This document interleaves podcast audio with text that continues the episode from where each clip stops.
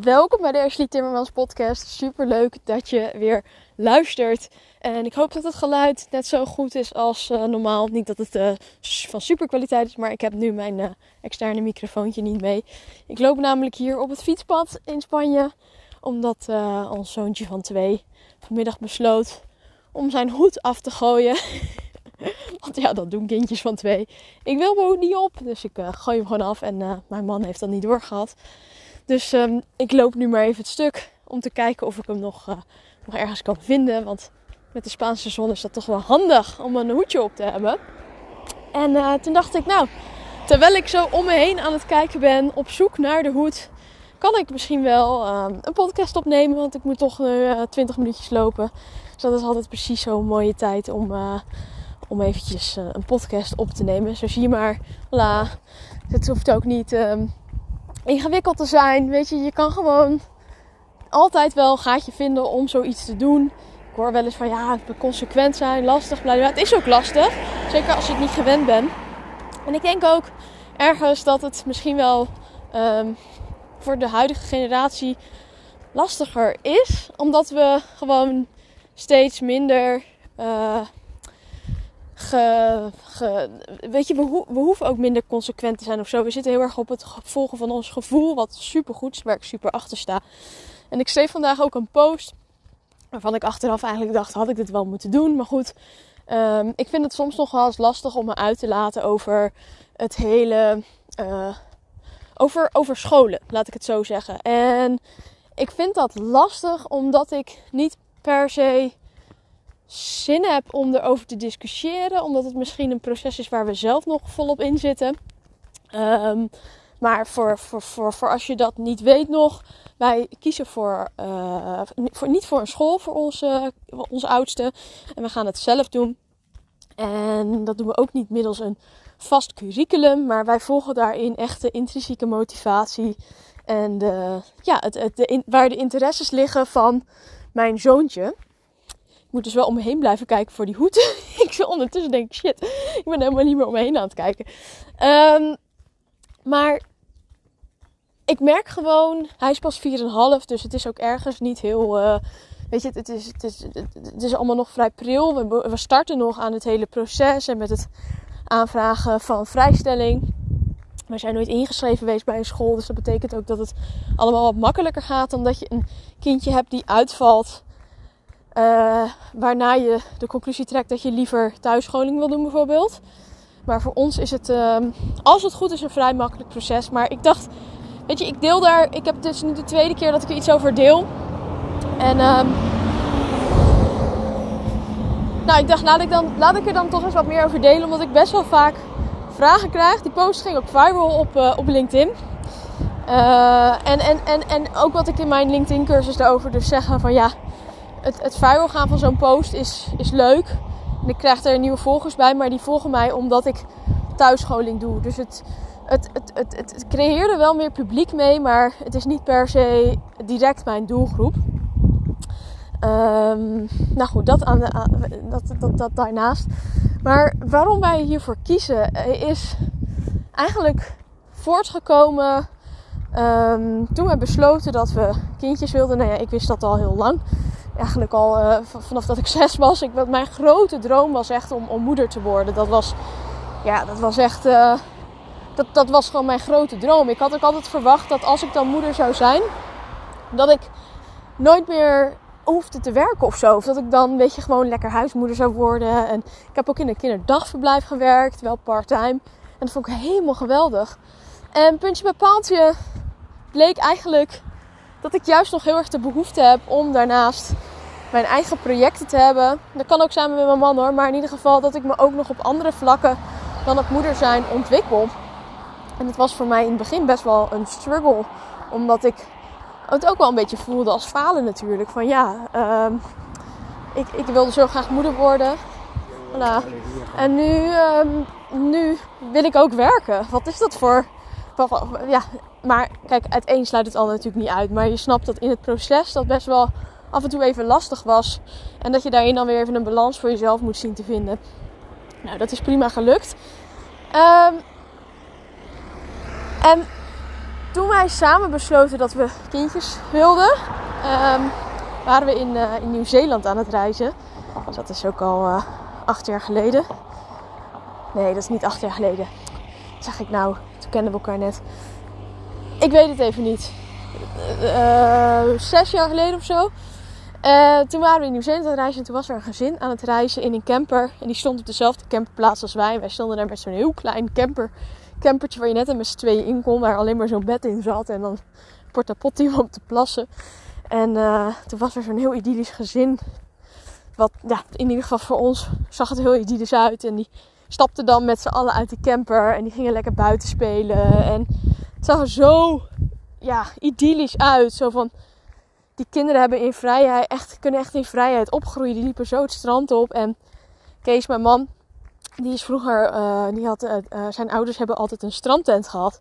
Zij woonde echt een half jaar per jaar op het strand. Dus hij heeft eigenlijk ook altijd gezegd: Ik wil wel kinderen, maar dan wil ik ze wel zo'n vrije jeugd kunnen geven als dat ik heb gehad. Want ja, zijn ouders waren dan wel hard aan het werk, maar hij kon gewoon zijn ding doen. Dus hij had best wel een vrije jeugd wat dat betreft. En, en ik heb zelf op school veel ellende gehad. Uh, mijn vader is vroeg overleden. Daar kon de school niet mee omgaan waar ik op zat. Dat was een klassieke school. Of, even te denken, we waren gewoon een standaard school. Ik ben toen naar een Jeneplan school gegaan. Waar ik het overigens heel erg naar mijn zin gehad heb. Um, en, en, en, dat lag mede aan de manier van onderwijzen. Dus het hele, in, op het Jeneplan heb je dus bijvoorbeeld groep, uh, drie groepen bij elkaar. Groep 1 en 2 zit bij elkaar. Dan 3, 4, 5 en 6, 7, 8. Dus je krijgt daardoor als kind zijn veel meer de mogelijkheid om met verschillende leeftijden om te gaan. En je hebt dus ook niet zo snel het idee dat je achter of voor ligt, omdat je klas veel gemengder is. Daarnaast kreeg je heel veel vrijheid om je eigen um, planning te doen en af te maken. Dus er was gewoon aan het begin een planning en die moest je dan, uh, nou, die, um, die moest je volgen en dat moest je aan het eind van de week af hebben. Maar hoe en wat, dat mag je helemaal zelf weten. En er was natuurlijk ook wel les, dat kan ik niet meer zo goed herinneren. Maar dit is wat ik me in ieder geval van herinner, dat het heel vrij was. Nou, voor sommige mensen, sommige kinderen werkt dat helemaal niet. Dat heb ik ook, dat zie ik ook in mijn omgeving. Sommigen die, die gedijen daar gewoon heel erg slecht bij. Die gaan heel goed bij structuur en, um, en het, het, het, ja, dat iemand ze echt helpt om aan het ritme te houden. Om die taken gedaan te krijgen. Maar ik ging er dus heel goed bij dat ik dat zelf mocht bepalen. Ik zorgde altijd dat ik maandag en dinsdag al mijn werk af had.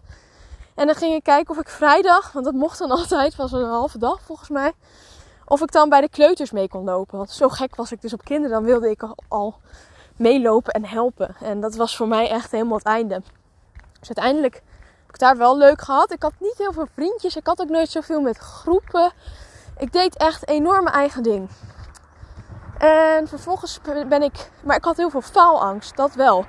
En uh, ook sociaal was ik dus... Ja, met leeftijdsgenootjes had ik het gewoon niet zo. Terwijl dat natuurlijk juist is wat iedereen altijd denkt. Van, ja, je moet leren met leeftijdsgenoten omgaan.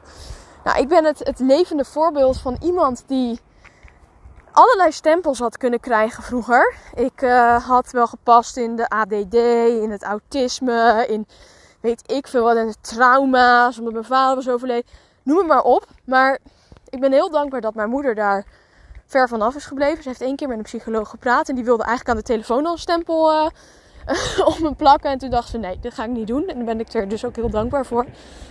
Weet je, ik speelde bijvoorbeeld ook met poppen tot op late leeftijd. Zeg dat ik uh, eh, 13 was of zo, 14. En dat, werd, dat wordt veroordeeld. Want dat is niet normaal, weet je. Je hoort allemaal maar in een normaal ritme te gaan. En uh, ik zie dat ook in de omgeving uh, gebeuren. En um, dat is ook logisch. Want als je je maakt regels voor het gemiddelde. Want over het algemeen valt 96% binnen die normaalverdeling. En 2% aan de ene kant, 2% aan de andere kant eruit. Dus als je daar rekening mee moet houden met je regels, dan kan je eigenlijk geen regels opstellen. Dus ik snap het als samenleving zijnde ook. Maar ik denk dat als we kijken naar het schoolsysteem, dat het enorm verouderd is. En ook als we kijken naar de manier waarop er geleerd wordt. En wat we verwachten van kinderen, maar ook van leraren dan denk ik gewoon dat het heel onrealistisch is. Dat er op die manier. Um, ja, dat, dat, dat we verwachten dat kinderen op die manier leren. En dat ze ook nog eens daarin zichzelf kunnen ontplooien. Ik vind het gewoon niet gezond dat een kind verplicht lange dagen naar school moet, in een klas zit en moet doen wat de leraar zegt. En ik denk dat we in een tijdperk aangekomen zijn waarin het veel belangrijker is dat kinderen weten wat ze willen, dat ze daar naartoe durven handelen, dat ze op een positieve manier bijdragen aan de wereld, in plaats van gehoorzamen aan dat wat handig is voor de samenleving en feiten uit hun hoofd moeten leren. Want dat is het eigenlijk natuurlijk wel wat je op school leert. Tuurlijk, de basisvaardigheden zijn ook heel belangrijk. Maar uiteindelijk, dat wat ik me kan herinneren van school, is dat ik heel veel feiten uit mijn hoofd moet leren. Waarvan dan gezegd wordt, het is basiskennis die iedereen moet weten. Maar sorry, ik herinnerde me echt helemaal niks van geschiedenis. En dan ook echt helemaal niks. Dus de vraag is natuurlijk in hoeverre die basiskennis nu echt bijdraagt aan um, jouw functioneren in de wereld later. En zo heb ik dat ook met mijn studie psychologie uiteindelijk. Dat vond ik super interessant, maar ik koos dat omdat ik een studie moest kiezen. En ja, ik was heel geïnteresseerd in mensen. Dus bij mij, bij mij was het, nou, ik ga of pedagogiek doen of psychologie. Want um, nou, daar ligt mijn interesse.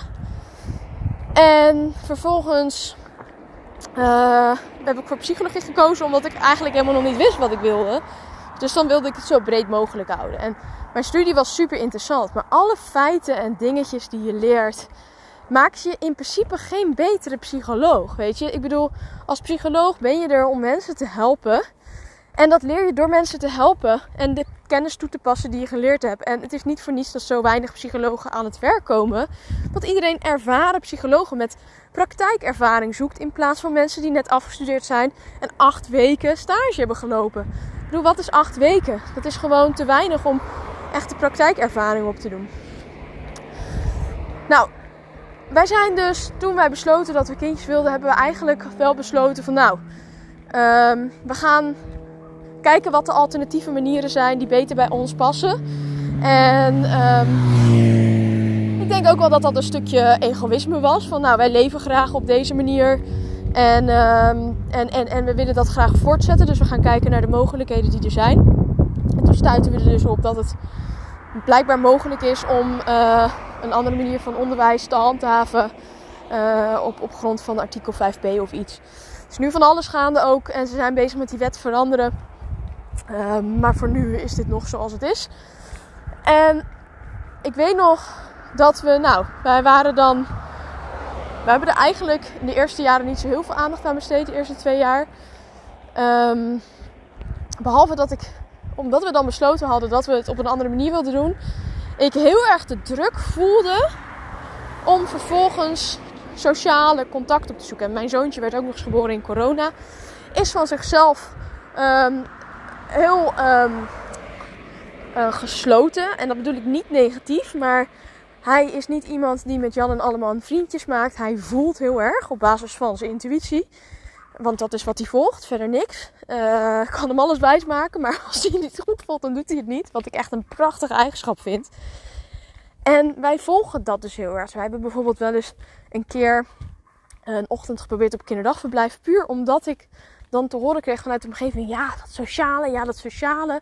En, en, en dat ging dan toch een rol spelen. Terwijl achteraf denk ik: sociaal vindt niet plaats op alleen maar school of alleen maar kinderdagverblijf. En niet elk kind gedijt goed in een groep.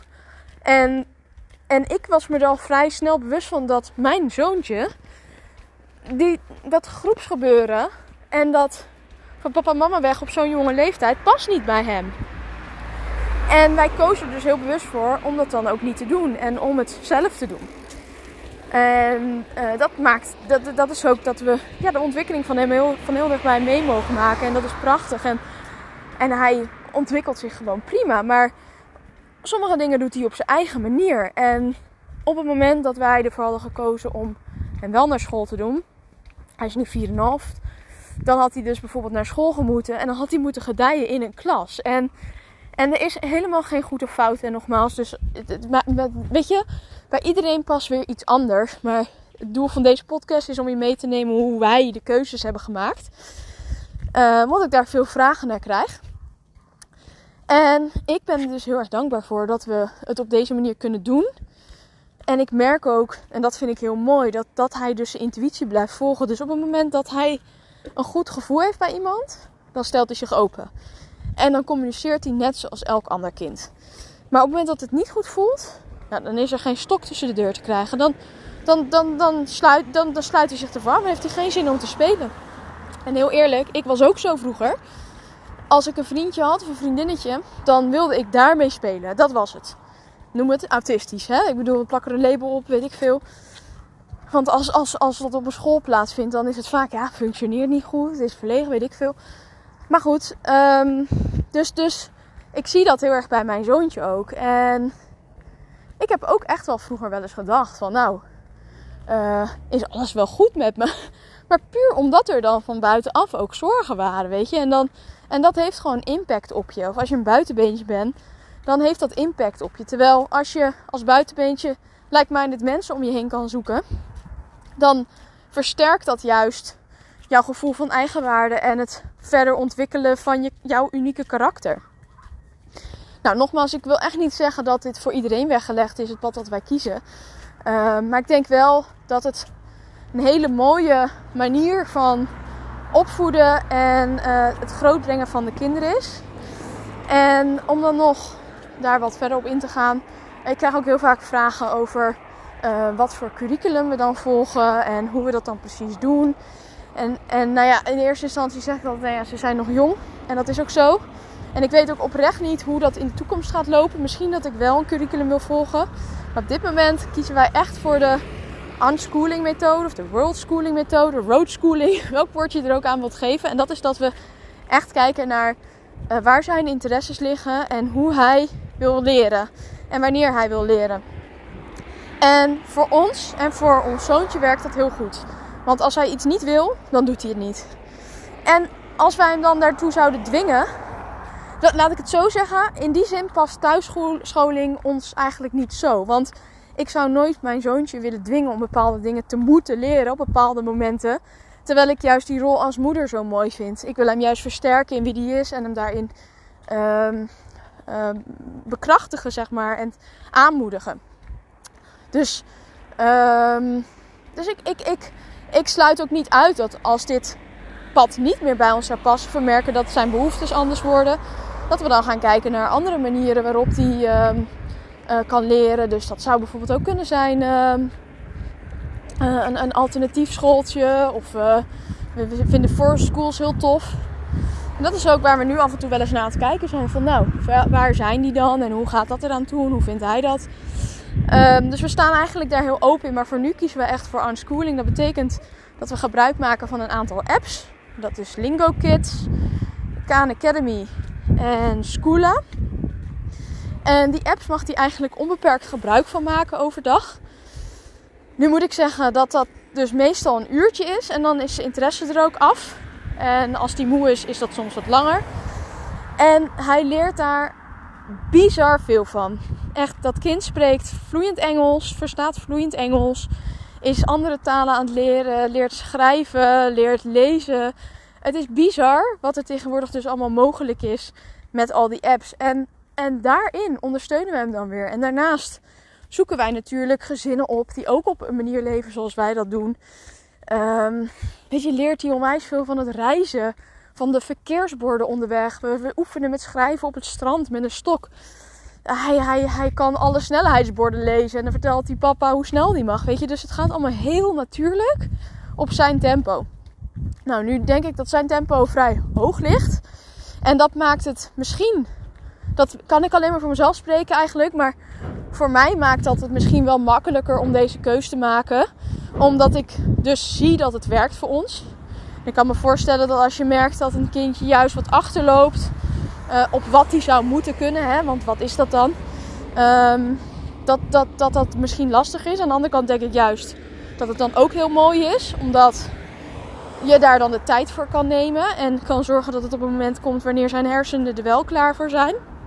Want ik heb ook zo'n voorbeeld. Uh, en ik weet niet meer precies, jammer genoeg, welk jaartal het nou was. Maar over kinderen die uh, moeten leren schrijven. En dan moeten ze die pen op een bepaalde manier vasthouden. Ik heb dat vroeger ook gemoed. Daar had ik nog zo'n speciale pen voor met zo'n steuntje. En dat was dan zo'n soort van driehoekding. Ik moest al die sierlijke letters maken. En dat lukte dan heel vaak niet. Dat kost heel veel moeite. Maar wat blijkt nou? Dat kinderen tot, ik weet niet tot welke leeftijd, maar je botten in je handen zijn nog helemaal niet volgroeid op die leeftijd. Dus dat hele precisiewerk en die pen zo vasthouden is helemaal niet natuurlijk voor een kind. Dus de vraag is dan, hoe erg is het als dat een paar jaar later gebeurt? Nu ben ik wel van mening dat er bepaalde basiskennis is. En dat bedoel ik niet leer alle hoofdsteden van de hele wereld uit je hoofd. Want dat, dat, dat zie ik gewoon niet als iets essentieels.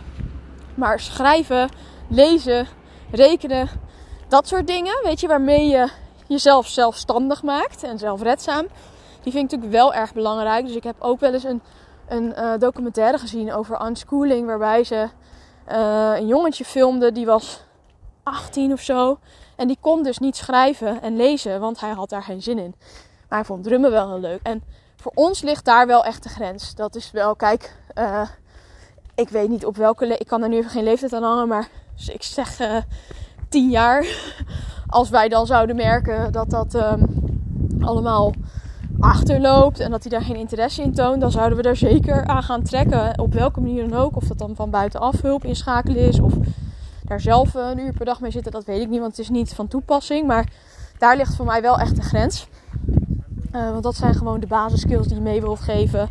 Waarmee iemand zelfredzaam wordt in de wereld. En dat is uiteindelijk wat we willen voor onze kids. Dat ze zich geliefd voelen. En dat ze mogen groeien en bloeien zoals zij dat willen. Uh, waarbij ze natuurlijk bijdragen aan een mooie wereld. Hè. Het mag niet zijn dat ze iemand ermee kwaad doen. Ik wil dat ze het recht voelen om te bestaan en om hun eigen tempo te volgen. En dat wat ik ze ook heel erg mee wil geven is dat fouten maken essentieel is om tot een leven op eigen voorwaarden te komen en successen te boeken. Want op het moment dat je geen fouten durft te maken, wat logischerwijs, daar ging mijn posters over op LinkedIn, voortkomt, in ieder geval bij mij, uit het hele schoolsysteem, dan creëer je dus faalangst. En faalangst komt zoveel voor. Het komt bij zoveel kinderen voor.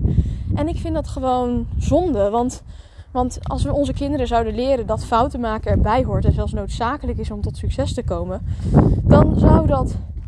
Ja, dan zou dat. Het houdt zoveel makkelijker worden om door te zetten op momenten dat, dat het even tegen zit, omdat je weet dat het erbij hoort. Dus dat is wel een van de dingen die wij ook echt proberen mee te geven in ons pad en avontuur.